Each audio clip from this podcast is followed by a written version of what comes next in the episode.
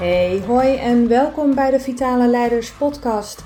Mijn naam is Sandra Djukanovic en in deze podcast praat ik met mensen en over onderwerpen zoals vitaal leiderschap, bevlogenheid, persoonlijke groei en ontwikkeling, maar ook over wat jij en ik nodig hebben om te floreren in werk en leven, over wat ons drijft en hoe we volhouden als het even wat moeilijker gaat.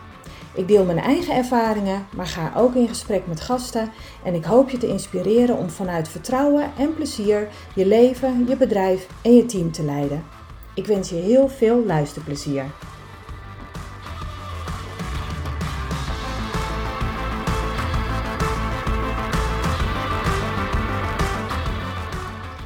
Hartelijk welkom bij de veertiende aflevering uit mijn hoofd van uh, uh, de Vitale Leiders podcast.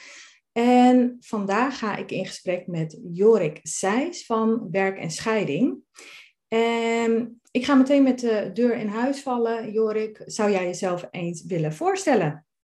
Ja, nou, allereerst dank, bedankt dat ik hier met jou dit, deze podcast mag doen. Superleuk. Ja. Um, ja, ik ben dus inderdaad Jorik Seijs en eigenaar van, uh, van Werk en Scheiding. Um, en wij zijn een, uh, een netwerk van uh, werk- en scheidingsspecialisten um, over heel Nederland. En wij helpen bij het duurzaam inzetbaar blijven van werknemers in scheiding. Oftewel verzuimpreventie bij scheiding. Specifiek scheiding? Ja, alleen bij mensen in scheiding. Nou ja, mensen in scheiding, mensen die uh, door het proces van scheiden aan het wankelen zijn geraakt. Dus dat ja. kan in de aanloop naar zijn. Het gros zit in het proces van scheiden. En er, zit ook altijd nog een, er is ook nog een, een groep die, die al gescheiden is. En vervolgens daar nog uh, nou ja, de gevolgen van voelt. Dus het ja. zijn eigenlijk drie, drie verschillende fasen van die scheiding. Waarin we me medewerkers helpen om uh, om op de been te blijven, om, uh, om stevig te blijven en hun werk goed te kunnen blijven doen. Ja, ja. En dat is uh, uh, zeer welkom en ik zou bijna zeggen broodnodig. Um, vandaar dat ik het ook zo ontzettend leuk vind dat jij met mij deze, deze podcast wilde doen, dat je, dat je te gast wilde zijn. Um, en hoe ben je ertoe gekomen om het, om het uh, specifiek dan op het uh, thema scheiding uh, te betrekken? Hoe is werk en scheiding ontstaan? Ja, ja. Nou, het, het begint nog een stukje daarvoor eigenlijk. Ik kom ja. van, van oorsprong kom ik uit onderwijs. Mm -hmm. En um, ik ben eigenlijk altijd al bezig geweest met gedrag. Hoe kun je gedrag ontwikkelen, persoonlijke ontwikkeling? nou ja, wat zijn de voorwaarden om tot groei te komen? Um, en op een gegeven moment ben ik zelf uh, gescheiden. En um, dat was voor mij eigenlijk ook iets van geen idee hoe dit werkt. We hadden niet, geen, geen voorbeelden eigenlijk in onze omgeving. Um, ja, en dus met alle positiviteit, we deden maar een dotje. Uh, ja. En we konden goed door een deur, dus dat, dat hè, ondanks dat het uh, goed ging tussen ons, merkte ik wel ook dat het een hele grote impact had. Ik had geen idee hoeveel het uh, met zich meebrengt om te gaan scheiden, bijvoorbeeld. Ja. En dan komt er zoveel tegelijkertijd bij elkaar, dat zelfs op het moment dat zo'n proces ook even loopt, um, dat ik toch merkte, joh, ik, ik, ik kom aan het wankelen. Het is zoveel, het is ja, alles. Ja. En, um, en kun je wat voorbeelden noemen van wat er dan zoal um, eigenlijk op je pad komt? Ja, Want ja. nou allereerst al... Net dat... jij heb ik ook totaal geen ervaring met scheiding. Sterker Ja, nog, ik heb mijn, mijn 18-jarig huwelijk uh, gevierd en mijn man en ik zijn al 25 jaar samen. Mooi, Eh, ja. Ik klop hem even ergens af. dat het maar zo door mag gaan. Ja. Dus eh, wat, hè, mijn, de informatie die ik er dan over zou hebben, is echt gebaseerd Mhm. op wat anderen mij eventueel vertellen. En wat ik in de, mijn eigen ervaring met, met cliënten bijvoorbeeld eh, tegenkom. Maar wa- wa- Ja, jij zegt, het is heel veel, het is alles. ja. Welke dingen kun je noemen? Nou ja, ten eerste had ik al geen idee hoe het zo'n proces zeg maar, officieel moet verlopen. Dus ik, eh, ik ging googlen met welke stappen moet je nemen. Geen idee, waar je moet je beginnen. Ja, Ehm nou ja, je hebt dus een, een, afspraken te gaan maken ehm, over hoe ga je samen uiteindelijk verder los van elkaar. Nou, ehm, als je getrouwd bent en je hebt kinderen, dan eh, betekent dat ook iets hoe je, dat je afspraken moet gaan maken over, hoe gaan we de zorg voor de kinderen verdelen. Um, nou, dat alleen al, en dan heb je dus te maken met uh, een stuk uh, rouwverwerking wat erbij komt kijken. Uh, dingen gaan veranderen, financieel. ja, je moet het met zeg maar de helft doen, zo'n beetje, hè, of maximaal de helft. Um, je moet een, in ieder geval komt er één nieuw huis, moet er gezocht en gevonden worden. Um, nou ja, in de, in de huidige situatie is het natuurlijk echt drama om iets betaalbaars op korte termijn te vinden. Ja. Um, de kinderen moet je het vertellen. Nou, dat, dat is, dat is het heftigste gesprek wat ik ooit in mijn leven heb, heb gehad. Dat is echt, uh, je moet um, de mensen om je heen, nou, die kunnen er ook wat van gaan vinden. Um, maar ook het simpel, het regelen van um, verzekeringen, of het loshalen van verzekeringen. Het praktisch uit elkaar halen van uh, uh, rekeningen van, van de bank die los moeten komen, betalingen. Nou ja, goed, alles is vervlochten en alles moet uit elkaar. Dus er zitten heel veel praktische dingen bij. Er zitten heel veel emotionele, emotionele uh, zaken zitten erbij. En uiteindelijk moet je dan ook nog, bijvoorbeeld in zo'n convenant, samen tot afspraken gaan komen die op dat moment gaan gelden, maar die ook nog toekomstbestendig zijn. Dus eh, als je kinderen gro groter groeien, ja, hoe, hoe, maak je dat ze dan in de toekomst dat dat ook nog blijft werken? Terwijl ja. je eigenlijk in een situatie zit van waar, hè, zoveel tegelijkertijd, hoe ga je dat overzien? Dus er, er wordt. Kan je helemaal niet over nadenken nog waarschijnlijk. Nee, en, en, en ook, überhaupt, je bent nog bezig ook met het, met het omzetten van dat toekomstbeeld wat je, wat je samen had. En, ja. Um, dus ja, het, is echt, uh, laten we zeggen, op alle vlakken. Um, en ja, dat, dat zorgt er ook voor dat je dat meeneemt naar je werk. Ik ben, ben dezelfde mens. En uh, op het moment dat je doordat je zo het heftig ervaart, uh, slecht gaat slapen, piekeren, slechter eten. Ik was, een paar maanden was ik, uh, was ik ook flink wat afgevallen. Dus je, je, merkt, je, ja, je, je, je, raakt gewoon aan het wankelen. Nou en dan is dat werk is super belangrijk om als anker te hebben. Nou, en ik merkte dat, dat, dat, dat ik aan het wankelen raakte. En vervolgens heb ik um, in overleg, nou, ik had wat ruimte om wat dingen te schuiven ook. En ik ben met persoonlijke ontwikkeling was ik al bezig. Nou, vervolgens ben ik um, weer stevig in mijn schoenen komen staan. Ging het weer de goede kant op. En toen dacht ik, wat is eigenlijk gek hè? Dat we gewoon mensen maar hierin...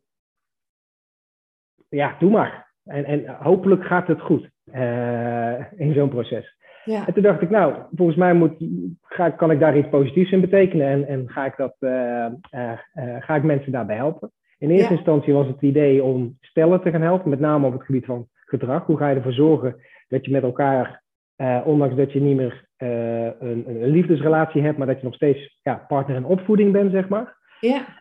Um, en toen op een gegeven moment kwam ik een onderzoek tegen van TNO, waar het bleek dat verzuim bij mensen in scheiding, en dan, daar rekenen ze eigenlijk twee jaar voor. Dus het proces van aanvliegen tot die scheiding, het proces van scheiden en, en daarna. Ja. Um, in die tijd zie je een enorme toe, toename in, in verzuim. En ja. toen dacht ik, hé, hey, maar dit is, dit is een interessant gebied. En um, dus ik ben een, een traject gaan ontwikkelen, een coachtraject, um, die dus vanuit het idee verzuimpreventie uh, opgebouwd is om mensen die aan het wankelen zijn, dat anker van het werk, hè, waar je je afleiding hebt, waar je structuur, waar je zinvolle toevoeging kunt zijn, waar je uh, waar je, je salaris verdient, uh, om dat stevig te laten zijn als al heel de andere op zijn kop staat. Ja, ja, ja. En, uh, nou ja, en zodoende is werk en scheiding in eerste instantie ontstaan als, als eenmans idee. Ja. Um, en ja, toen kwam op een gegeven moment toch weer, nou ja, nadat het helemaal uitontwikkeld was, het, uh, uh, ja, het onderwijs in mij boven borrelen. Toen dacht ik, ik zou het heel vet vinden om anderen dit ook te leren. En toen um, ben ik twee jaar geleden de, een opleiding gaan schrijven en die heb ik laten registreren. En vervolgens ben ik anderen gaan opleiden om dit te doen. En en zo vormen we nu samen een, een netwerk van, van werk- en scheidingsspecialisten. Ja, wauw. Ja, even een notendop. ja, ja, ja. Ja, ja. Hey, en je zegt van... Uh, uh, wat ga ik nou als eerste vragen? Nee, ik ga eerst terug naar wat jij... Dat, dat, hè, toen je zei van... Uh, werk is dan dat anker. Ja. Wat bedoel je daar precies mee? Nou, en waarom je, is werk dan een anker en zo belangrijk?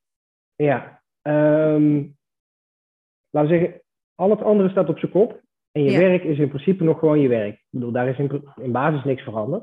Ja. Ehm, in mijn idee gaat iedereen over het algemeen vrolijk naar zijn werk. Doet hij iets wat hij, uh, hij of zij leuk vindt. Um, maar ook waar hij een toegevoegde waarde voelt. Maar zo, ook zou het inderdaad, zo zou het inderdaad moeten zijn. ja, ja, ja. ja. Ja, en dat is ook een plek, uh, of online, maar offline natuurlijk ook, waar je uh, collega's tegenkomt. Waar je even over het weekend hebt, over uh, praatje pot, van alles komt daar voorbij. Ja. maar het vraagt ook een bepaalde focus. Oftewel, het zorgt er ook voor dat je dus niet de hele dag kan blijven doormalen. Ja. Hè, dat zie je af en toe wel eens als, als teamleiders zo, in zo'n situatie of een vergelijkbare situatie medewerkers hebben die zeggen, nou ga maar eventjes twee weken thuis zitten. En dat is volgens mij het slechtste wat je kunt doen, want dan komen die muren komen op ze af. Ze blijven juist in een cirkel zitten en het wordt alleen maar slechter. En dat werk houdt er ook, zorgt er ook voor dat je, nou, je moet een beetje netjes aangekleed zijn, je moet goed voor jezelf zorgen. Ja. Uh, dus er zitten allerlei ja, fundamentjes eigenlijk in die helpen om uiteindelijk goed door die, uh, door die scheiding heen te komen. En, ja, want je moet nog steeds opstaan. Hè? Je moet nog steeds je bed uitkomen. Je moet nog steeds je tanden poetsen. Als het even kan, uh, moet je nog steeds die boterham even uh, naar binnen gooien, al is het maar eentje. En mensen mm. reageren vaak wisselend op, op stress. Uh, de, de een zegt van, uh, ja, door stress ben ik aangekomen, ga ik, ja, want ik ga juist eten. En de ja, andere krijgt letterlijk geen, geen hap meer door de keel en valt af. Um, dus er zit inderdaad een, een, een structuur, een routine in die dat houvast eigenlijk geeft. Absoluut, ja. ja. Tegelijkertijd denk ik ook van, hey, misschien zitten daar juist voor de werkgever of voor, hè, dat is heel groot de werkgever, maar voor de collega's en voor de leidinggevende bijvoorbeeld ook aanknopingspunten om eens in de gaten te houden of het nog wel goed gaat met die uh, medewerker.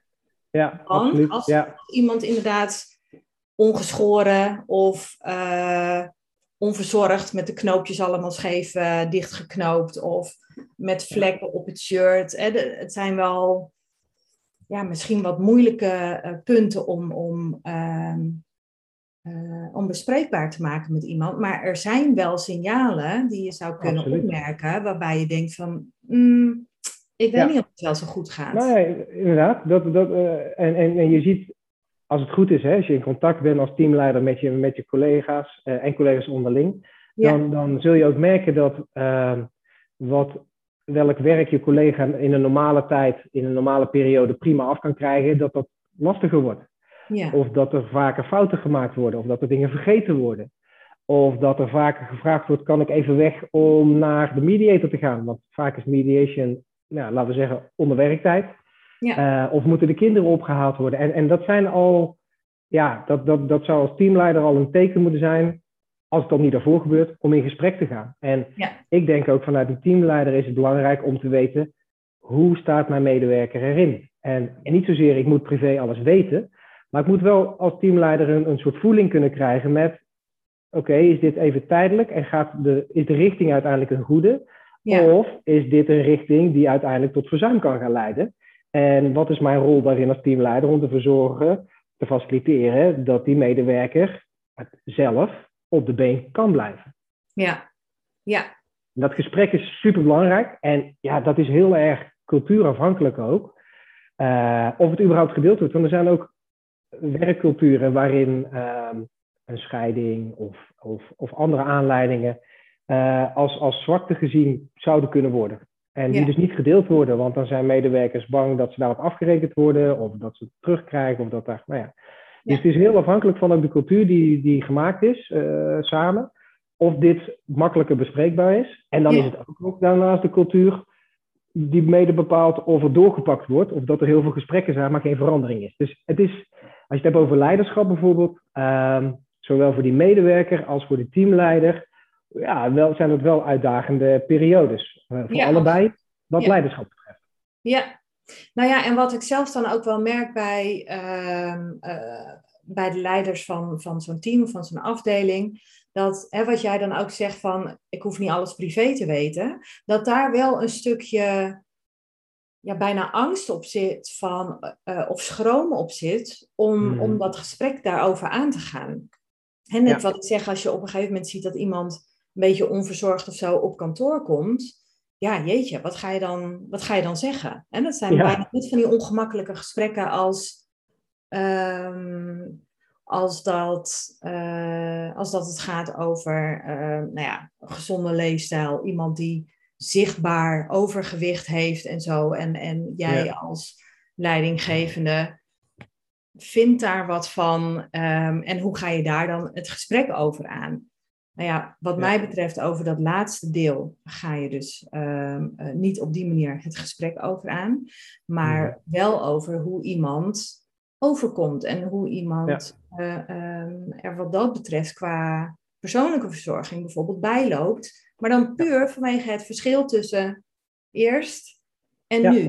Je ziet ergens een, een, verandering bij iemand en vanuit jouw oprechte zorg voor je medewerker zou je dan inderdaad het gesprek aan kunnen gaan van, joh, ik heb het. Ja, eigenlijk is het heel simpel, hè? Hoe, hoe is het ermee? Ja, ja. eigenlijk, eigenlijk is het niet meer dan dat. Alleen dat vraagt wel dat er daarvoor ook al een relatie is opgebouwd. Ja, exact. Om dat makkelijk te kunnen doen. Dus op het moment dat, dat je uh, als, als teamleider of manager merkt, oeh, er is wat, maar ik heb niet geïnvesteerd in die relatie, ja. dan kan het ongemakkelijk gaan voelen. Want dan wordt het in één keer, doet het ertoe en wordt het beladen. En, terwijl als je een relatie hebt waarin het het persoonlijke, het persoonlijk getint in ieder geval verbinding is met elkaar, ja. dan is het ook heel makkelijk van, joh, hey, eh, kom even een bakje doen en uh, hoe is het nou? Want ik heb het idee, als ik jou zo zie, dat er iets zou kunnen zijn. Vertel ja. eens. Ja. Nou, en dan kunnen ze altijd zelf bepalen hoeveel ze wel of niet delen natuurlijk. Ja. Um, en dat, en dat, dat is het recht ook van de medewerker. Hè? Ja. En dat stukje psychologische veiligheid, is, is heel belangrijk om ook, uh, ja, eigenlijk een voorwaarde om ook die verbinding aan te kunnen gaan. Um, en die binding is weer eigenlijk als een soort voorwaarde nodig om überhaupt de gesprekken met elkaar te, uh, aan te gaan. Hè? Om, om überhaupt te weten als leider wat er überhaupt binnen je team speelt. En dan niet, ja. natuurlijk niet alleen werkgerelateerd, want het hele idee van werk en privé gescheiden houden en dergelijke, nou, het, bestaat, het bestaat nog hoor. ja, ik weet, ik weet dat er zo gedacht wordt, maar ik zie toch echt wel um, uh, er, erge scheurtjes ontstaan in als dat in de praktijk uh, uh, moet worden gebracht en zo. En dan zie je daar toch mensen echt wel behoorlijk over struikelen. Ja. We zijn namelijk mens en, en, geen robot. Dus je kunt niet een knop omzetten van uh, en nu heb ik geen last meer of geen zorgen meer of heb ik geen emoties meer ten aanzien van mijn privésituatie. Ja, dus ja, ja dat, dat gesprek aangaan en, en die verbinding uh, zoeken is wel heel erg uh, belangrijk. Ja, ja, absoluut. Ja. En, en, en ja, wat ik al zeg, dat begint daarvoor. En um, het, uh, dat vind ik dan ook weer, hè, want het is niet alleen maar de vraag die de teamleider moet stellen, joh, hoe is het? Maar natuurlijk ook de verantwoordelijkheid van die medewerker die merkt, oh, ik merk dat ik niet functioneer zoals ik eigenlijk zou kunnen functioneren. Ja. Laat ik eens in gesprek gaan met mijn teamleider. Want het is natuurlijk niet zo dat de teamleider daar per se verantwoordelijk is. Er is een gezamenlijke verantwoordelijkheid. Ja. En uh, uh, door de waan van de dag, want zo is het natuurlijk ook, kan zo'n teamleider soms ook gewoon dingen over het hoofd zien, omdat er andere dingen urgent lijken te zijn. Ja. Dus ook die medewerker vind ik daar een, een rol in hebben om, om dat uh, bespreekbaar te maken. En misschien niet met je teamleider, maar dan met de HR-adviseur of met een vertrouwenspersoon of met een collega die je daarin vertrouwt. Ja. Um, daar, daar moet ook een proactieve actie vanuit die medewerker komen, vind ik. Ja, ja ben, ik, uh, ben ik met je eens. Mits er ook uh, die psychologische veiligheid, zoals ik het net noemde, mits de cultuur, zoals we die dan eigenlijk noemen, ja. um, er ook toe is om dat te kunnen doen. Ja. Want wat je, hè, wat je zegt van, uh, er zijn uh, ook legio mensen die um, toch een soort, ja, eigenlijk angst hebben. En, en misschien is dat helemaal niet terecht. Um, mm-hmm. Ik heb helaas gemerkt dat het ook wel terecht is. Um, dat je erop wordt afgerekend.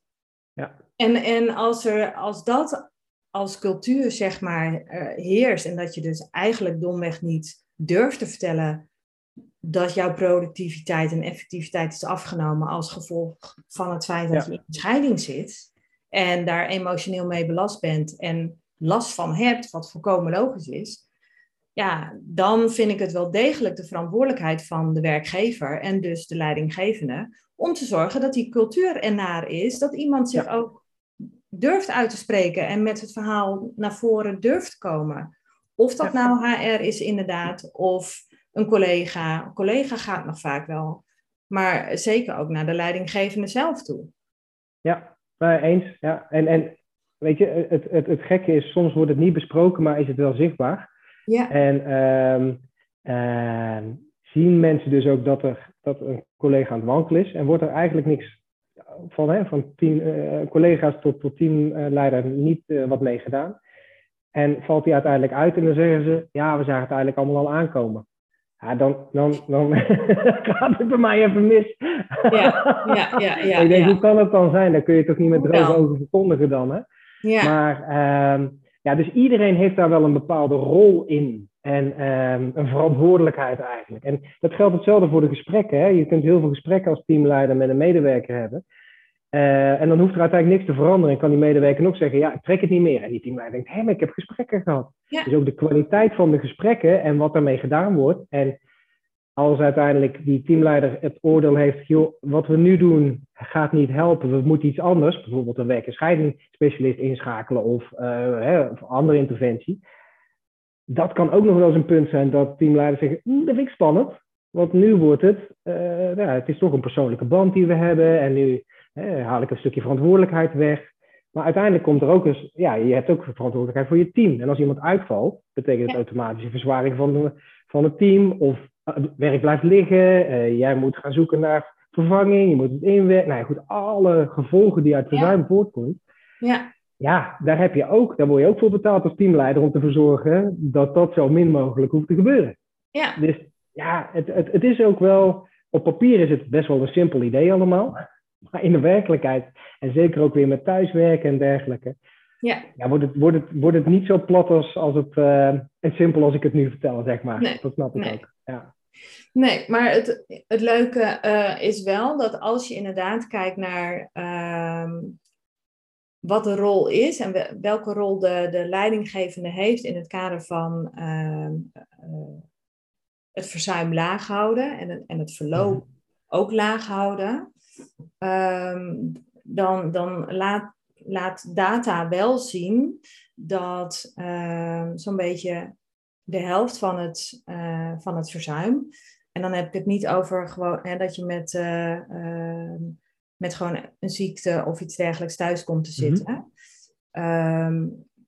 dus dat, dat verzuim is overduidelijk. Maar inderdaad, dat, ja. dat prijzenverzuim als gevolg van, van, nou ja, van stress, Ehm, tot en met burn-out en dergelijke aan toe. Dat verzuim heb je als leidinggevende meer invloed op dan, uh, dan vaak wordt gedacht. Ja. En ik denk dan, als dat ten negatieve geldt, dan is daar ook die andere kant ten positieve. Hoe fijn is het dan dat jij die invloed eigenlijk kunt pakken als leidinggevende om daar meer grip op te hebben. Ten positieve, hè? dus die positieve Absoluut. invloed en, ja. en, impact. Ja, ja. En dat, heeft, maar dat heeft natuurlijk ook te maken met hoe je tegen jouw job aankijkt. Ben je, ben je, laten we zeggen, ben je doorgegroeid en ben je, omdat je zoveel jaar daar al bent, teamleider geworden, is dat, heeft dat waarschijnlijk, hè, dan ben je misschien vakinhoudelijk supersterk. Maar dat betekent niet per definitie dat je, dat je nee. weet hoe je mensen moet faciliteren om hun werk goed te doen. Ja. Um, dus dus het, het, um, dat stukje leiderschap en, en, en ook voelen, ik, ik heb dit als taak. Uh, en dat is uh, ook goed, goed gecommuniceerd. En het wordt ook gefaciliteerd om je team uh, goed te kunnen ondersteunen. Ja. nou ja, dan hebben we al heel wat voorwaarden alweer die ook weer daar weer voor kunnen zorgen om dat weer te verbeteren. Maar ook niet overal per se aanwezig zijn. Nee. En dan hebben we het ook nog, nog even los van eigen regie. Hè? Dus op het moment dat uh, een medewerker merkt, oh, ik ben aan het wankelen. Um, oh, wat zou ik binnen de interventies die we hebben zelf kunnen doen? Ja. Dat, dat, ja. dat moeten we denk ik ook niet uitvlakken. Hoe aangeleerd hulpeloos misschien sommige medewerkers ook zijn. Omdat dat altijd ook maar geregeld wordt. Zitten ze ook soms misschien ja. te wachten totdat er iets gebeurt. Terwijl eigenlijk niemand weet dat er iets zou moeten gebeuren. Ja, dus ja voor, een deel, hè, voor een deel zal die groep er zeker zijn. Wat ik ook denk dat, dat, uh, dat meespeelt, en ik denk dat dat voor ehm, de HR-afdeling en, en voor uh, managers en leidinggevenden ook best wel een goede is om te onthouden. Op het moment dat jij in zo'n dusdanige stressvolle situatie zit, want het is een scheiding gewoon. Het staat volgens mij in de nou, top 5 uit mijn hoofd, of misschien wel top 3 van meest, uh, hoe noem je dat? Ja. Ingrijpende gebeurtenissen in je leven. Ja. ja. Um, dus um, dat je als gevolg van die stress uh, een soort van lam geslagen bent en echt denkt van. Ja. En mensen komen in, in, een, in, een, in een overleefstand. Absoluut. En hoe, hè, dan is het ook de vraag in hoeverre ben je nog in staat om daarover na te denken wat nu de volgende stap is. En dan, dan is het heel fijn als bijvoorbeeld een, een leidinggevende um, jou die eerste uh, reikende hand eigenlijk biedt van hè, ik, ik merk op dat er iets anders is. Uh, voel je vrij om daar met mij over te praten en als er hulp nodig is, um, dan kunnen we dat voor je in gang zetten. Ja, dat is en dan... ik, ik, zie daar ook een, een, een, een, een, eh, een groeiende rol voor de bedrijfsarts. Hè? Dus ik, we werken met een aantal uh, bedrijfsartsen daarin ook samen, die ook steeds meer aan die voorkant eigenlijk, hè, die verzuimpreventiekant, al ingezet worden. En um, ja, dat is ideaal, want op het moment, ja, het verschil tussen iemand mogen begeleiden die aan het wankelen is, of iemand die uiteindelijk echt geknakt is en thuis is komen te zitten, ja. ja daar is echt een wereld van verschil. En daar kan, daar kan, laten we zeggen, in tijd misschien een maand tussen zitten. Tussen, er kan een hele hoop in korte tijd, tot het duurt weer een hele lange tijd totdat iemand zich weer eigenlijk startbekwaam voelt. Ja. ja. En dat vind ik zonde, want dat is niet nodig. Aan die, dat begin hebben we zo verschrikkelijk veel positieve effecten. Ja. Uh, en blijft het werk gewoon doorgaan. En dat zie ik ook. Mensen uh, hebben genoeg energie nog, uh, maar voelen zich ook gehoord.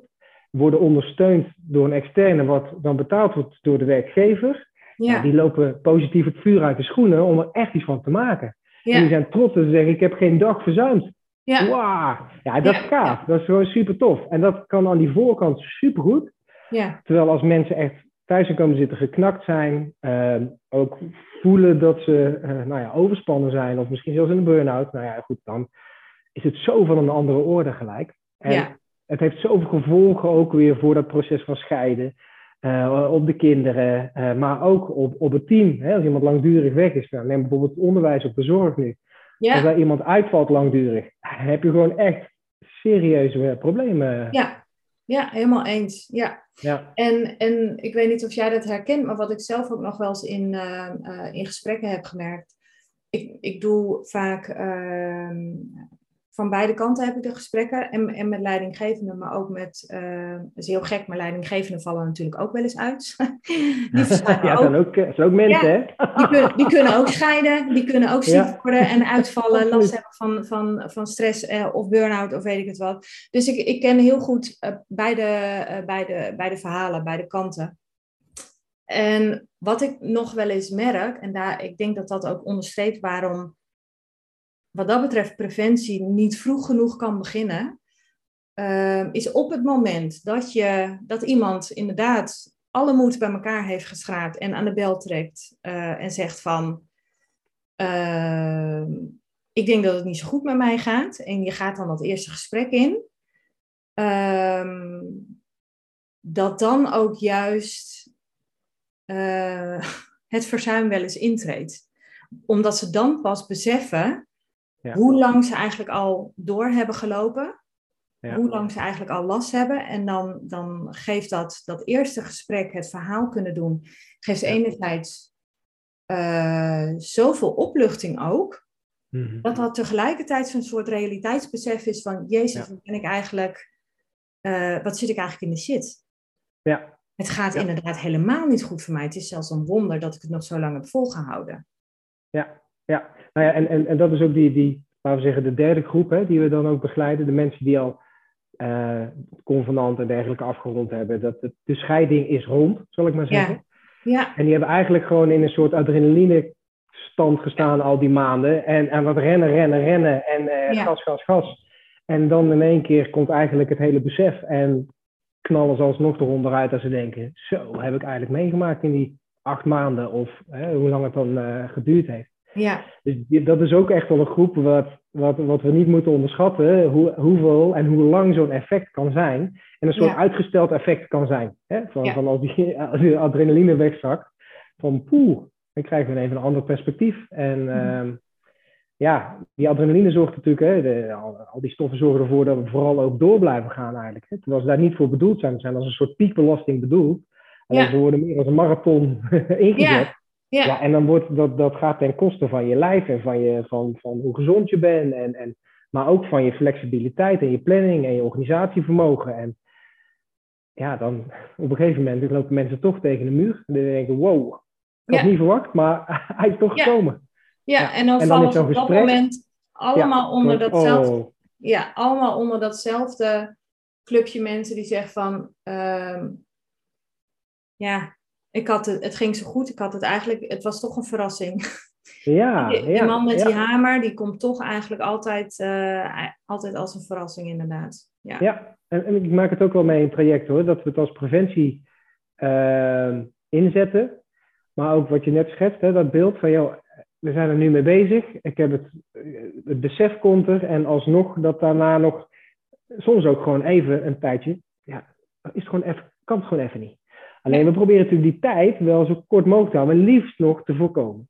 Ja. Ik bedoel, want ik ben er echt van overtuigd dat verzuimpreventie altijd goedkoper is dan verzuim. Daar ben ik echt van overtuigd. En ja. Um, nou ja, goed, dat, dat besef moet natuurlijk ook door ervaringen bij teamleiders, maar binnen organisaties ook ja, een beetje verankerd gaan worden. Hè? Want er zit nog een soort, soms lijkt het wel een beetje taboe op, hè? om die duurzame zetbaarheid, die, die, die, die verzuimpreventie, om dat te faciliteren. Want ja, is het wel nodig geweest? En het is een hoop geld aan de voorkant zonder dat we zeker weten. Nou ja, dat soort uh, ideeën die er nog wel eens rond waren. Maar het levert altijd op. Al is het in loyaliteit of in ik bedoel, zelfs als die collega op een gegeven moment weggaat, die zal daarover vertellen tegen anderen. Die hoort bij die werkgever, dat is me toch, dat is toch niet normaal. Dus je creëert ook ambassadeurs binnen je eigen medewerkers daarmee. En niet alleen voor werkerscheiding heb ik het dan over. Hè. Dat kan ook voor mantelzorg zijn of voor op een andere manier waarop die medewerker die echt in de knel zit, geholpen kan worden.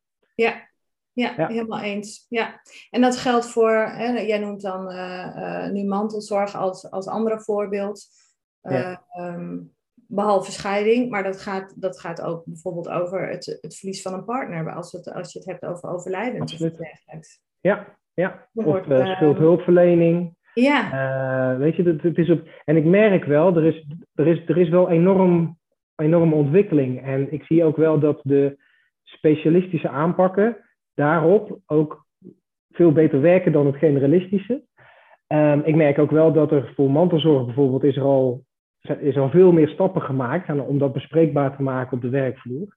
Ja. Uh, en bij scheiding lijkt er nog een soort van taboe op te zitten ook. Misschien ook een gevoel van falen wat er soms bij zit van, joh, het is me niet gelukt om, om, om een huwelijk goed draaiende te houden of, of nou ja. andere ideeën die daarbij komen. En ik heb het idee dat, dat scheiding daar nog als, ja, ik, ik krijg ook wel eens te horen van, de scheiding, Nee, ik heb nog nooit, nog nooit verzuim voor een scheiding. Hebben we nog nooit binnen dit bedrijf gehad. En dan werken er een paar honderd mensen. dat is niet... Dat kan bijna niet waar zijn, hè? Dat kan niet waar zijn. Nee, nee. nee.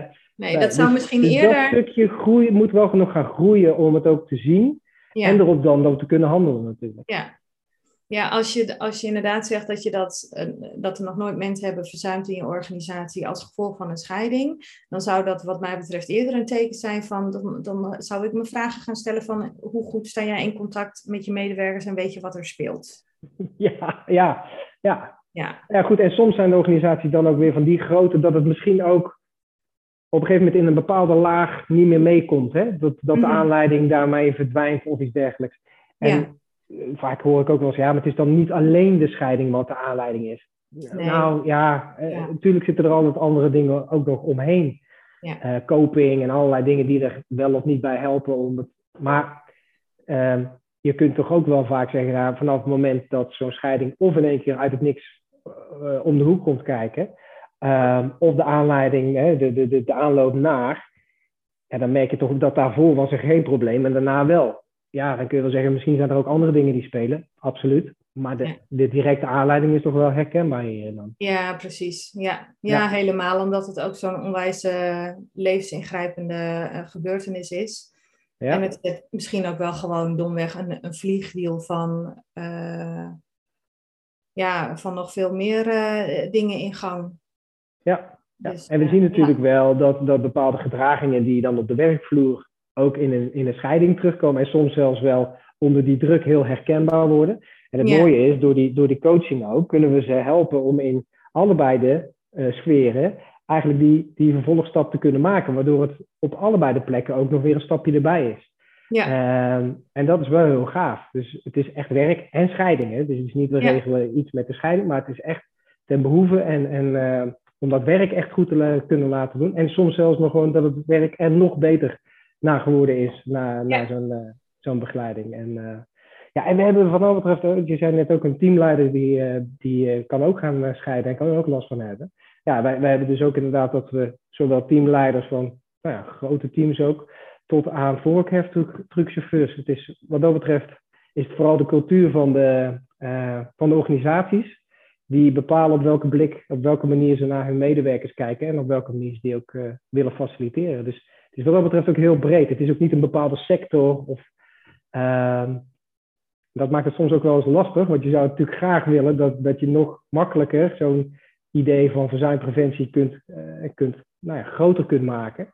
Ja. Uh, maar ik, ik kan er nog niet zo zeggen, oh, dat is precies daar die voorwaarde, dan is dat het bedrijf wat daar perfect bij, dat, bij die mindset past of iets dergelijks. Het is heel divers, echt heel divers. Ja. Zie jij een toename van, uh, van dat jullie, of dat jij, jullie worden ingeschakeld omdat er meer scheidingen plaatsvinden en, en dat het taboe er misschien langzaam aan een beetje meer afgaat? Nou, er zit, denk ik dat er twee dingen in zitten. Eén is, het is een niche natuurlijk. Uh, Dus weten dat werkenscheiding bestaat, is voor heel veel mensen al, nou ja, stap één. Ja. dus daarom ben ik ook bijvoorbeeld heel blij met, met, met podcasts zoals deze. Ja. Uh, want als je niet weet dat het bestaat, ja, dan kun je er ook niet naar, naar vragen of, of uh, naartoe verwijzen. Uh, dus bewust worden dat dat bestaat, dat er soort interventies er zijn en dat je daar gebruik van kunt maken, dat is één. En daarnaast hebben we natuurlijk met de lockdown, met heel corona, hebben we ook gehad dat mensen, ik heb het ook meegemaakt, dat het was net het begin van de lockdown, die hadden net twee weken ervoor besloten, we gaan uit elkaar. En vervolgens mochten ze niet uit elkaar, moesten ze bij elkaar blijven. Dus oh. ja, ja, dus je kunt je ook voorstellen, de afgelopen anderhalf jaar ja. Uh, zijn er ook tafereelen thuis geweest die, uh, waarvan ik denk dat, dat de, de, er een golf nog een keer. Het is sowieso zomervakantie, is er al een golf extra, een piek in, in scheidingen. Maar ik denk dat er nog een golf aan zit te komen van eigenlijk uitgestelde scheidingen. Mm. omdat mensen nu weer wat vrijheid en wat ruimte krijgen. En dat dat zou, zou kunnen betekenen dat er nog meer um, scheidingen komen. Mijn hoop is aan de andere kant dat die mensen elkaar gevonden hebben in die tijd en dat ze dus niet meer gaan scheiden. Dat, dat is, maar de, de cijfers zijn, uh, zijn nog niet, uh, wat dat betreft, niet helder op dat vlak. Um, maar ik merkte al wel, normaal is het in de zomervakantie, na de zomervakantie, dat we ook in aanvragen merken, en nu merk ik al, voor de zomervakantie, dat dat eigenlijk een stukje na, die, ja. Na, ja, na het, het, meer openzetten van, van wat er kon, uh, is dat gekomen omdat het werk en scheiding bekender is geworden en sneller gevonden wordt? Of dat, nou ja, goed, dat, kan ik, eh, dat weet ik niet. Dat is, uh, maar ja, de verwachting is wel dat er, een, uh, dat er nog een flinke golf op de golf gaat komen, zal ik maar zeggen. Hmm. Ja. ja. Hmm. Wat kan, een, wat kan een, een, een leidinggevende doen? Nou, we hebben het er al even over gehad, hè, dat gesprek. Um, en um, nog daarvoor uh, investeren in de verbinding met je, met je, met je teamleden. Uh, ja. Ja, en tijdens, dat, dat, tijdens die gesprekken um, ja, moet je goed voorbereid zijn. Dus ik zou ook zeggen, ga, als je denkt ik heb zorg over een medewerker, ga er in ieder geval voor zorgen dat je met je HR-adviseur eh, weet wat er in huis is. Misschien interne coaches of iets dergelijks, of hè, andere ondersteuning die intern is weet wat er is, zodat er een keuze gemaakt, makkelijker een keuze gemaakt kan worden. Um, maar zorg er ook voor dat je in de gesprekken um, afspraken maakt die je vastlegt. Zodat je in die vervolggesprekken die je daar achteraan hebt ook kunt peilen, zitten we op de goede weg? Of moeten we iets anders gaan doen?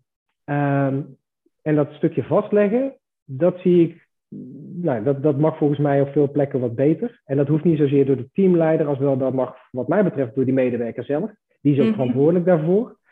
Uh, maar dan heb je iets om op terug te komen. Want anders is het misschien later weer zeggen, ja, maar dat hadden we afgesproken. En dan zegt de medewerker, nee, ik dacht dat we dat hadden afgesproken. Nou ja, dat soort ruis wil je volgens mij in dit soort situaties altijd voorkomen. Ja. En dan uh, heb je op een gegeven moment ook, laten we zeggen, genoeg stof samen om te kunnen zeggen, wacht even, wat we nu samen geprobeerd hebben, dat is niet voldoende. En ik heb zorg dat je straks uit gaat vallen. Wat zou je ervan zeggen als we verder kijken dan dit? He, dan kun je echt samen optrekken. En wat zou dan betekent... iets zijn als je kijkt naar, uh, we hebben iets meer nodig dan dit? Denk je dan bijvoorbeeld aan uh, wat nou als je is, uh, hè, in plaats van, uh, als je als leidinggevende het vermoeden hebt van, goh, dit zou wel eens kunnen uitdraaien op volledig verzuim. Mm laat ik dat voor zijn en laat ik ehm, alvast een deelverzuim of zo voorstellen. Dat er iets meer lucht komt of dat er geschrapt wordt in bepaalde werkzaamheden. Uh, als je merkt dat iemand qua focus en, en concentratie, uh, uh, als dat eigenlijk, ehm, ja, hoe zeg je dat, een beetje aan, aan het inmoeten is, dat, dat dat niet meer zo, zo vlekkeloos verloopt. Wat kunnen we dan doen aan de werkzaamheden of de taken die iemand heeft? kunnen we dingen wegstrepen? Um, Ik zou wel, als het gaat over... dat kan ook, ja, absoluut. Um, zeker als het uh, foutengevoelige uh, uh, job is, hè, waar, waar, de gevolgen groot van zijn, dan zou ik zeker kijken, zijn er, laten we zeggen, wat lichtere alternatieven waar je wat minder bijvoorbeeld denkvermogen op, hè, of waar de foutenmarge wat hoger mag liggen zonder dat het gelijk een probleem oplevert. Ja. Um, ik zou wel zeggen op het moment dat je um, ruimte in tijd gaat geven, welke vorm dat dan ook heeft, dat je daar wel een als dan. Als je meer tijd krijgt, hoe ga je die dan benutten? Uh, zodat je afspraken maakt over dat het niet gewoon maar tijd is wat wegvliegt, maar dat ze doelgericht inzetten voor of die mediation. Of zeggen, oké, maar ik ga ook uh, aan de slag om mijn energie weer op peil te krijgen. Dus ik ga bewust weet ik wel, een slaapcursus volgen. Want slaap is altijd een, best wel een onderwerp ook. Of een slaapadvies uh, inwinnen.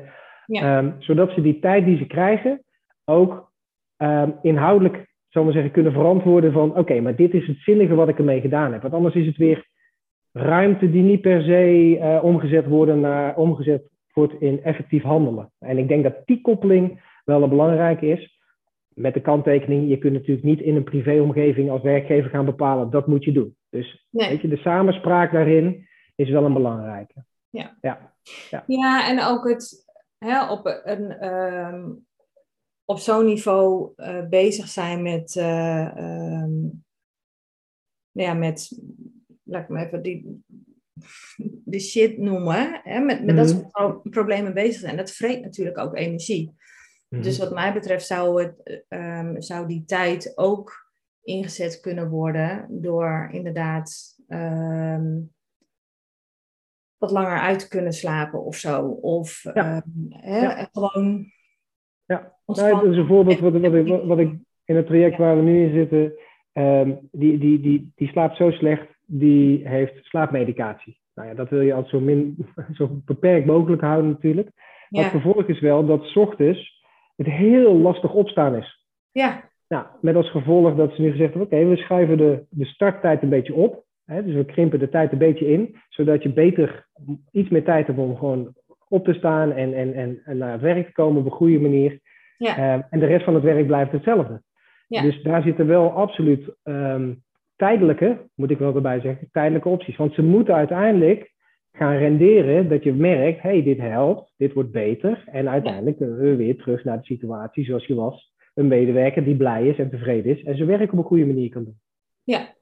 ja. Want dat moet uiteindelijk wel de richting altijd zijn. Het moet geen laten we eens kijken de komende tijd of zo en we zien wel. Nee, er moet wel een, wat mij betreft in ieder geval altijd een doelgerichte uh, actie aan verbonden worden. Want dit is het resultaat wat we daarmee willen bereiken. En dan kun je erbij gaan zoeken wat daarbij gaat helpen. of ondersteuning voor slaap, of een wandelcoach, of een werk- en scheidingcoach, of op, op welke andere manier dan ook. Ja. Als je weet waar je naartoe wil, is het veel makkelijker zoeken welke hulpmiddelen of welke ondersteuning er is. Ja, ja. Denk je dat corona hier nog een, ehm, en dan met name het, het, thuiswerken als gevolg van corona, dat dat hier misschien zelfs een positieve bijdrage aan zou kunnen spelen? In welk opzicht bedoel je positief? Nou, ik zit dan, omdat het, het thuiswerken, dat uh, hebben mensen eigenlijk meer ruimte. Althans, dat, dat hoop ik dan altijd. Misschien is het uh, een beetje wishful thinking van mij. Maar mhm. je zou kunnen beredeneren op het moment dat je thuis werkt, heb ik meer zeggenschap over wanneer ik werk en, en hoe lang ik achter elkaar werk enzovoort. Dus iemand die uh, een typisch ochtendmens is en om zes uur s ochtends al wakker is en denkt van, weet je, ik ben toch wakker, ik ga lekker om zeven uur al beginnen. Die kan door het thuiswerken de ruimte nemen om om kwart over acht de kinderen naar school te brengen. Bij wijze van. Hè? Dus, En dan heb je dat stukje tijd. Ehm, ben je niet kwijt, hoef je geen schuldgevoel over te hebben, uh, hoef je je niet vervelend over te voelen van, oh jee, straks uh, uh, vindt de werkgever daar iets van, vindt mijn leidinggevende daar iets van, want ik ben niet hmm. ingelogd of dat. En dat is letterlijk wat ik ben tegengekomen. Hè, de af, hmm. zo, zo wordt zo wordt nog wel eens gedacht. Dus dat thuiswerken, dat geeft in die zin ook wel een, een wat meer vrijheid om daar de keuzes in te maken. Waardoor geen vrije dagen of vrije uren hoeven worden opgenomen, waardoor verzuim misschien een stuk minder aan de orde is, omdat je niet in die rare spagaat komt van ik moet het, hmm. hè, ik moet die mediation afspraken, ik moet die dingen regelen, moet ik allemaal in dit tijdsbestek doen, want die organisaties werken ook gewoon alleen maar overdag. Ja. Waardoor die druk allemaal groter wordt. Ja, dan, dan moet het wel helder zijn wat je opdracht is. Zodat je weet, dit is waar ik aan moet voldoen. als, als het idee is, ik werk van 9 tot 5, dan zal, daar niet, dan zal de ruimte, denk ik, die hieruit voortkomt, niet zozeer positief misschien ingezet kunnen worden. Maar als je weet, dit is, dit is de opdracht waar ik een, project of iets dergelijks waar ik uh, resultaten mee moet halen op een bepaalde manier. Ja, dan maakt het dat het volgens mij ook makkelijker schuiven wordt. Met als gevolg, ja, als je meer autonomie voelt, meer zelf kunt regelen, uh, flexibeler bent in je tijden, dat je makkelijker kunt schakelen met die vraag om bij de mediator te moeten gaan of al die andere dingen die geregeld moeten worden. Ja. Ook al is het natuurlijk wel aan de andere kant dat je weer doorgaat op tijden dat je eigenlijk zou moeten stoppen. Hè? Want energie behoud en energie opbouwen uh, in een periode van wankelen. Uh, nou ja, dat is soms nog wel moeilijk, want je zit in een soort modus. Doorgaan, doorgaan, doorgaan, doorgaan. Ja. Dus het kan ook weer een valkuil opleveren. Dus, dus er zitten absoluut positieve dingen aan. Uh, aan de andere kant is het denk ik ook goed dat mensen elkaar treffen. En eventjes gewoon pak een bakje koffie, over niks praten met elkaar. Ook juist om eventjes niet alleen maar in die inspanning van het werk te hoeven zitten en daaruit te kunnen komen. Dus wat mij betreft zou het hybride werken, denk ik, een, een, een mooie uh, best of both worlds uh, worden. Ja. Uh, waarbij ook nog die ruimte zit om dingen zelf te regelen. Maar ook dat je elkaar ook nog blijft treffen. Want dat, dat is, ja, dat, dat hoor je ook bij heel veel mensen. Het is super belangrijk om dat, ja. om dat te blijven voelen ook. Ja. ja. Ja, helemaal als, als het echt zoals in dit geval ook um, al anderhalf jaar aan de gang is. Hè? In het begin hmm. uh, vond iedereen het natuurlijk uh, nou ja, bijna fantastisch, oh heerlijk. Er is natuurlijk nog steeds gewoon een grote groep die dat thuiswerken helemaal, uh, helemaal prima vindt. En die hmm. ook online de weg wel heeft gevonden om elkaar te treffen. Ehm, en er is natuurlijk zeker een, een, een grote groep die daar ja, die het helemaal niks vindt.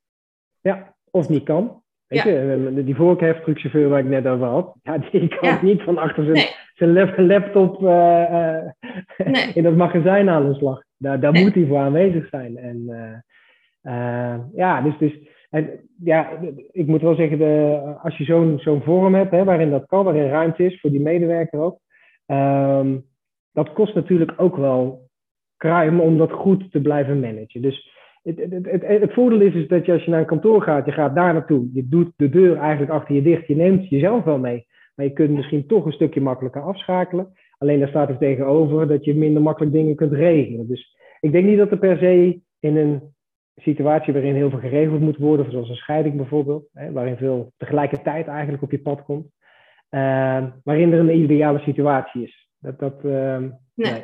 nee. nee. Hey, nu, heb, nu, nu spreek jij natuurlijk ook vanuit uh, jouw persoonlijke uh, ervaring. Mm -hmm. is dat ook de soort van drijvende kracht geweest om uh, voor jezelf te beginnen? Um, nou ja, laat ik het zo zeggen. Als ik niet gescheiden was geweest, hadden we dit gesprek niet gehad. Want mm -hmm. dit, dit had ik niet kunnen verzinnen als ik, als ik zelf niet gescheiden was geweest. Dus nee. Uh, de ervaring maakt wel dat, dat, dit, dat ik daar in één keer kansen zag. Of, of eigenlijk een gat zag. Dat ik dacht, dat gek. Hoe kan dit nou toch? Um, ja, onderaan de streep is het, is het natuurlijk, we willen zoveel mogelijk positieve impact hebben op, uh, op die mensen die, die aan het wankelen zijn. En um, ja, daar is in dit geval die scheiding uit voortgekomen, omdat ik daar de persoonlijke ervaring in heb. En inmiddels natuurlijk, hebben we natuurlijk daar ook heel veel kennis en, en uh, ook in de trajecten in de verschillende ervaringen al natuurlijk opgedaan. Um, ja, en ik vind het, ja, dat klinkt misschien een beetje gek, maar een scheiding is ook een heel mooie periode om als, uh, als werk- en scheidingsspecialist bij te mogen, aan te mogen bijdragen. Er is heel veel tegelijkertijd, dus er is ook heel veel te schakelen. Er is heel snel ook momentum van positiviteit uh, bij die coachie te krijgen. Um, ja, dat is ook wel iets waar, wat, wat ook gewoon bij mij klikt. En, en, en, en, en bij de andere werk- en scheidingsspecialisten ook. En, ja. Dus we zullen wat dat betreft ook niet snel zeggen, uh, we gaan het uitbreiden richting mantelzorg of richting. Uh, nee, nee, weet je, dit, dit, is, dit is wat we doen. Ja. Ja, ja, ja, ja. ja. ja. Maar ik had het niet zelf kunnen verzinnen. Nee. als, ik het, als ik het niet had meegemaakt, had ik niet, had ik niet in één keer gedacht: oh, dat is misschien wel een goed idee. Om mensen... Nee. Laat ik eens een eigen onderneming starten op gebied van ja. scheiding. Ja, nee, nee dat, verzin je toch niet? Nee. Ja. Hey, en uh, uh, natuurlijk ben jij dus ook uh, ondernemer. Ja. Ehm, en dan laten we het, het, het scheidingsstuk heel even voor wat het is. Maar jij moet natuurlijk mm -hmm. ook jouw eigen persoonlijk leiderschap nemen ten aanzien van het runnen van je eigen onderneming. Ja, ja. Dus ja en dat is natuurlijk ook een. ja, dat is, het, dat is het nog steeds. Um, ja, je, je, kijk, ik ben natuurlijk begonnen voor mezelf in mijn eentje. Ja, dan heb je het over uh, persoonlijk leiderschap eigenlijk. Hè. Hoe lang geleden is dat eigenlijk? Uh, 7,5 jaar geleden. Oké. Okay. Ja. Um, en ja, op een gegeven moment dan, ga je met het idee aan de slag. Oh, ik, wil anderen daar ook in, in opleiden, zodat ze dat ook kunnen. Um, en ja, dan, dan komt het idee van een netwerk, een samenwerking uh, komt dan boven. Maar ja, daar heb ik, heb ik ook helemaal geen ervaring mee gehad tot, tot aan nu. Dus, dus het is ook gaandeweg. Ja, uh, hoe, hoe krijg je dat je, verdeeld over Nederland, die verschillende werk- en scheidingsspecialisten, ook het gevoel hebt dat ze met elkaar verbonden zijn, dat ik ermee verbonden ben, dat, ik, dat die afstand klein is en kort is, dat drempels laag zijn om elkaar ook te treffen online, maar ook als er iets is of als er niks is. Mm -hmm.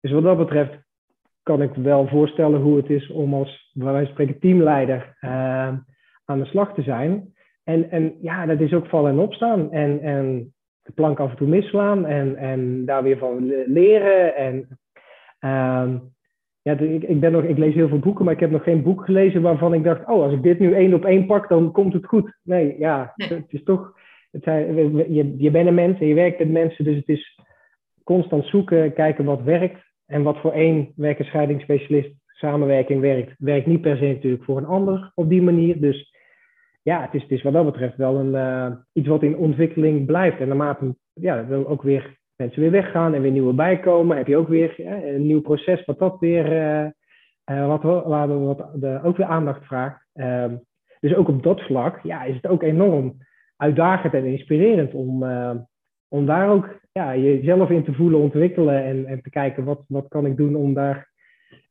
om inderdaad dat netwerk goed en stevig te maken. Ja. ja. Hey, en um, um, ik noemde eerder al even um, de term in een overleefstand zitten. Mm. ik schets dat vaak als, als ik je dan heel even meeneem in een stukje van, van wat onderdeel is van mijn werk, dan kun je zeggen dat wij mensen, ieder mens, ehm, psychologische basisbehoeften hebben. Ehm, vrij vertaald wordt dat een ABC'tje. Autonomie, binding en competentie. We willen eigenlijk allemaal heel graag tot een groep behoren. We willen uh, iets kunnen betekenen voor die groep. Uh, dus mm kunnen inzetten, dat is die C. Tot die groep willen behoren, dat is die B van binding. Uh, Maar vervolgens willen we eigenlijk ook heel graag onszelf kunnen zijn in die groep, de autonomie. Um, als er aan die basisbehoeften gerommeld wordt, als ze gefrustreerd zijn als het ware, als je daar te weinig van hebt, te weinig invulling van hebt, dan kom je als het ware in een overleefstand.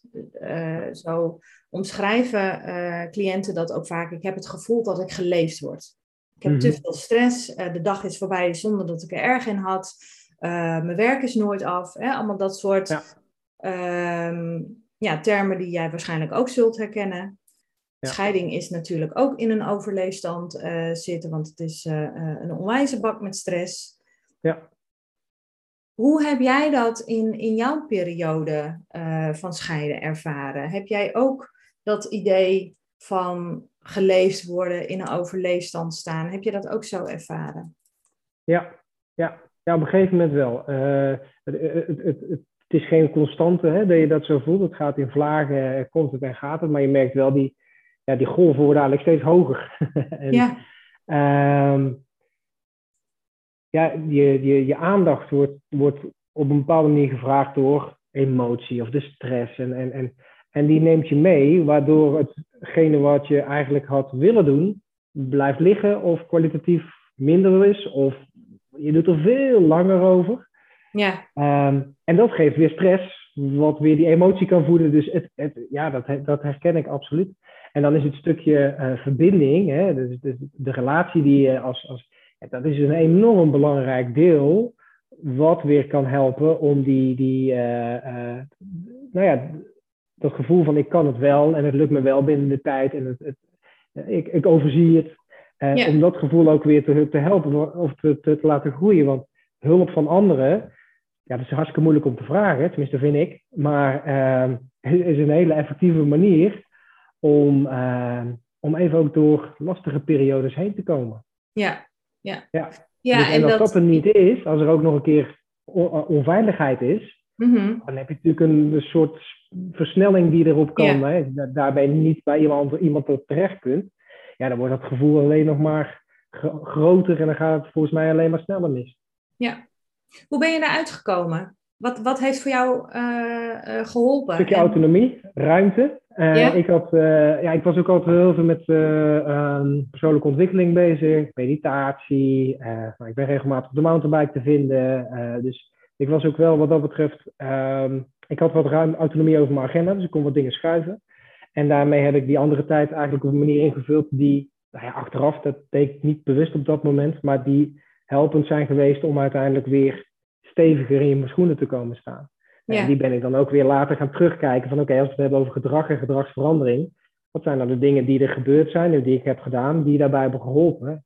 En dat was ook weer een stuk van de basis van wat nu het uh, traject is geworden. Ja. uiteraard aangevuld met alle inzichten en dergelijke die er natuurlijk ook wetenschappelijk en dergelijke aan toe te voegen zijn. Ja. ja. En was, jij toen, was jij toen zelf in loondienst? Ja, ja. Wat, heeft jouw, wat heeft jouw leidinggevende hierin voor rol gehad? Nou, in ieder geval uh, laagdrempelig. Uh, de deur staat open. Hè? Ook initiatief naar mij toe, maar ook gewoon eh, ruimte als je het nodig hebt. Je kunt me altijd bellen. En dan niet, oh ja, je kunt me altijd bellen, maar echt ja, gemeen. Ja. Je kunt me altijd bellen. Um, en uh, ik ben op een gegeven moment ook nog, een, en dat was een aantal maanden later, um, ben ik een soort persoonlijkheidsvierdaagse heb ik nog dagen. Maar dat was niet per se gerelateerd aan scheiding, maar dat heeft er ook wel weer even het laatste stukje een soort extra um, boost gegeven. Maar het was met name de, de, de, de vinger aan de pols bij mij. Hoe gaat het met je? Wat kan ik voor je doen? En, uh, en, en de bereikbaarheid, ik kan hem bellen wanneer ik, wanneer ik daar behoefte aan heb. Dat, dat is voor mij wel iets wat echt bij mij gebleven is, wat uh, voor mij heel sterk voelde. Wat mij ook voedde in mijn oké, dit komt wel goed, weet je. Uh, ja. ja. Heb, je, heb je er gebruik van gemaakt? Of ik hem gebeld heb? Ja? Uh, ik denk het wel. Ik zal, het zal niet mega veel zijn geweest, maar ik denk het wel. Ik kan me niet meer zo goed herinneren of dat... Nee. Uh, het is inmiddels ook alweer een tijdje terug. Ja. Maar ik weet wel het gevoel wat het bij mij bracht. Dat, dat de mogelijkheid er was. En dat hij het expliciet vertelde, vond ik ook belangrijk. Want we nemen heel veel dingen aan. Oh ja, dan is het toch logisch dat je me kunt bellen. Ja, maar in zo'n situatie is het wel fijn dat het echt ook expliciet wordt gemaakt. Je kunt me bellen. Oké. Ja. Ja. ja heel dan is het mij natuurlijk om dat te doen of niet. Maar als we het in aannames blijven, ja, dan, dan, dan weet je het niet zeker. En dat is misschien net genoeg om niet te bellen. Nou ja. Ja. Ja. ja. precies. Ja. Waar, waar wil je naartoe met uh, je bedrijf, werk en scheiding? Ja, ik, ik, uh, ik zou heel graag willen dat we op het moment dat um, zo, zo, zo, die gesprekken zijn, gaande zijn met, met uh, teamleider en medewerker. Uh, en ze merken hè, dat goede gesprek Ze hebben zelf geprobeerd en gekeken wat er intern kan. Dat lukt niet. En de zorg is er dat er dan gedacht wordt aan werk en scheiding. En dat, er, uh, dat wij, nou ja, goed, uh, in, in no time aan de slag kunnen en mensen helpen uh, het zelf weer te kunnen. Want dat is het grote doel natuurlijk. Hè. Mensen moeten heel snel het weer zelf kunnen. Ze onszelf ja. overbodig maken daarin. Um, ja, en we hebben het over 80.000 mensen per jaar die scheiden. waarvan een kwart zo'n beetje in een conflict, hoogconflict scheiding zit. zeg maar, ja, oplopend van een regelmatig conflict tot vechtscheiding, zal ik maar zeggen. Hm. En dan hebben we het ongeveer over 20.000 mensen die qua conflictniveau al in een risicogroep zitten. Nou ja, wij zaten, ik zat zelf niet zozeer in een conflictscheiding. En toch had het mij ook al uh, aan het wankelen gebracht. Dus nou ja, laten we zeggen die 20.000 per jaar die, die, er potentieel zitten. Ja. ja, daar zouden we heel graag wat in, uh, in willen betekenen. Want uh, met, met een relatief korte interventie ja, hou, hou je heel veel positiviteit over. En uh, ja, die, dat willen we natuurlijk zo groot mogelijk hebben, zoveel mogelijk positieve impact daarin. Ja. Ja. Mooi. Als ik jou als uh, afsluitende vraag uh, vraag om één tip voor zowel een medewerker in scheiding of die, hè, die daarmee rondloopt, worstelt of wat dan ook, en één tip voor de leidinggevende. Wat zou dat ja. zijn? Ja, Uh, die leidinggevende, wees beschikbaar. Hè, wat ik net ook al schetste, uh, wat het uh, zeggen dat je er bent en laten zien dat je er bent. En uh, daarin vooral faciliteren. Ja. Wat heb je nodig, zodat de verantwoordelijkheid ook voelbaar is bij de medewerker. En wat die nodig heeft, dat hij dat kan organiseren. Ehm, voor die medewerker zou ik zeggen, ja, het is gewoon heel veel tegelijkertijd. En zorg ervoor dat je in ieder geval één of twee mensen om je heen hebt, dat die je af en toe even kunt even los kunt gaan, zonder dat dat per se uh, ja, dat dat gewoon kan. Maar ook die je af en toe eventjes helpen de boel te structureren. Want het voelt gewoon als een enorme berg met van alles tegelijkertijd. Dus mensen overzien het niet. Nou, mhm. als je iemand kan, een vriend of een collega of, of een broer of een zus, die je af en toe eens even kan helpen om de boel een beetje nou ja, te structureren, dan, uh, dan zal dat al uh, voor heel veel mensen echt uh, opluchting kunnen geven. En dat weer een effect, een positief effect op het werk. Ja, mooi. Mooie tips. Mag ik jou heel hartelijk danken voor, voor dit gesprek. Heel waardevol. Heel graag gedaan. De wereld ook nodig is en dat er nog heel veel te winnen valt voor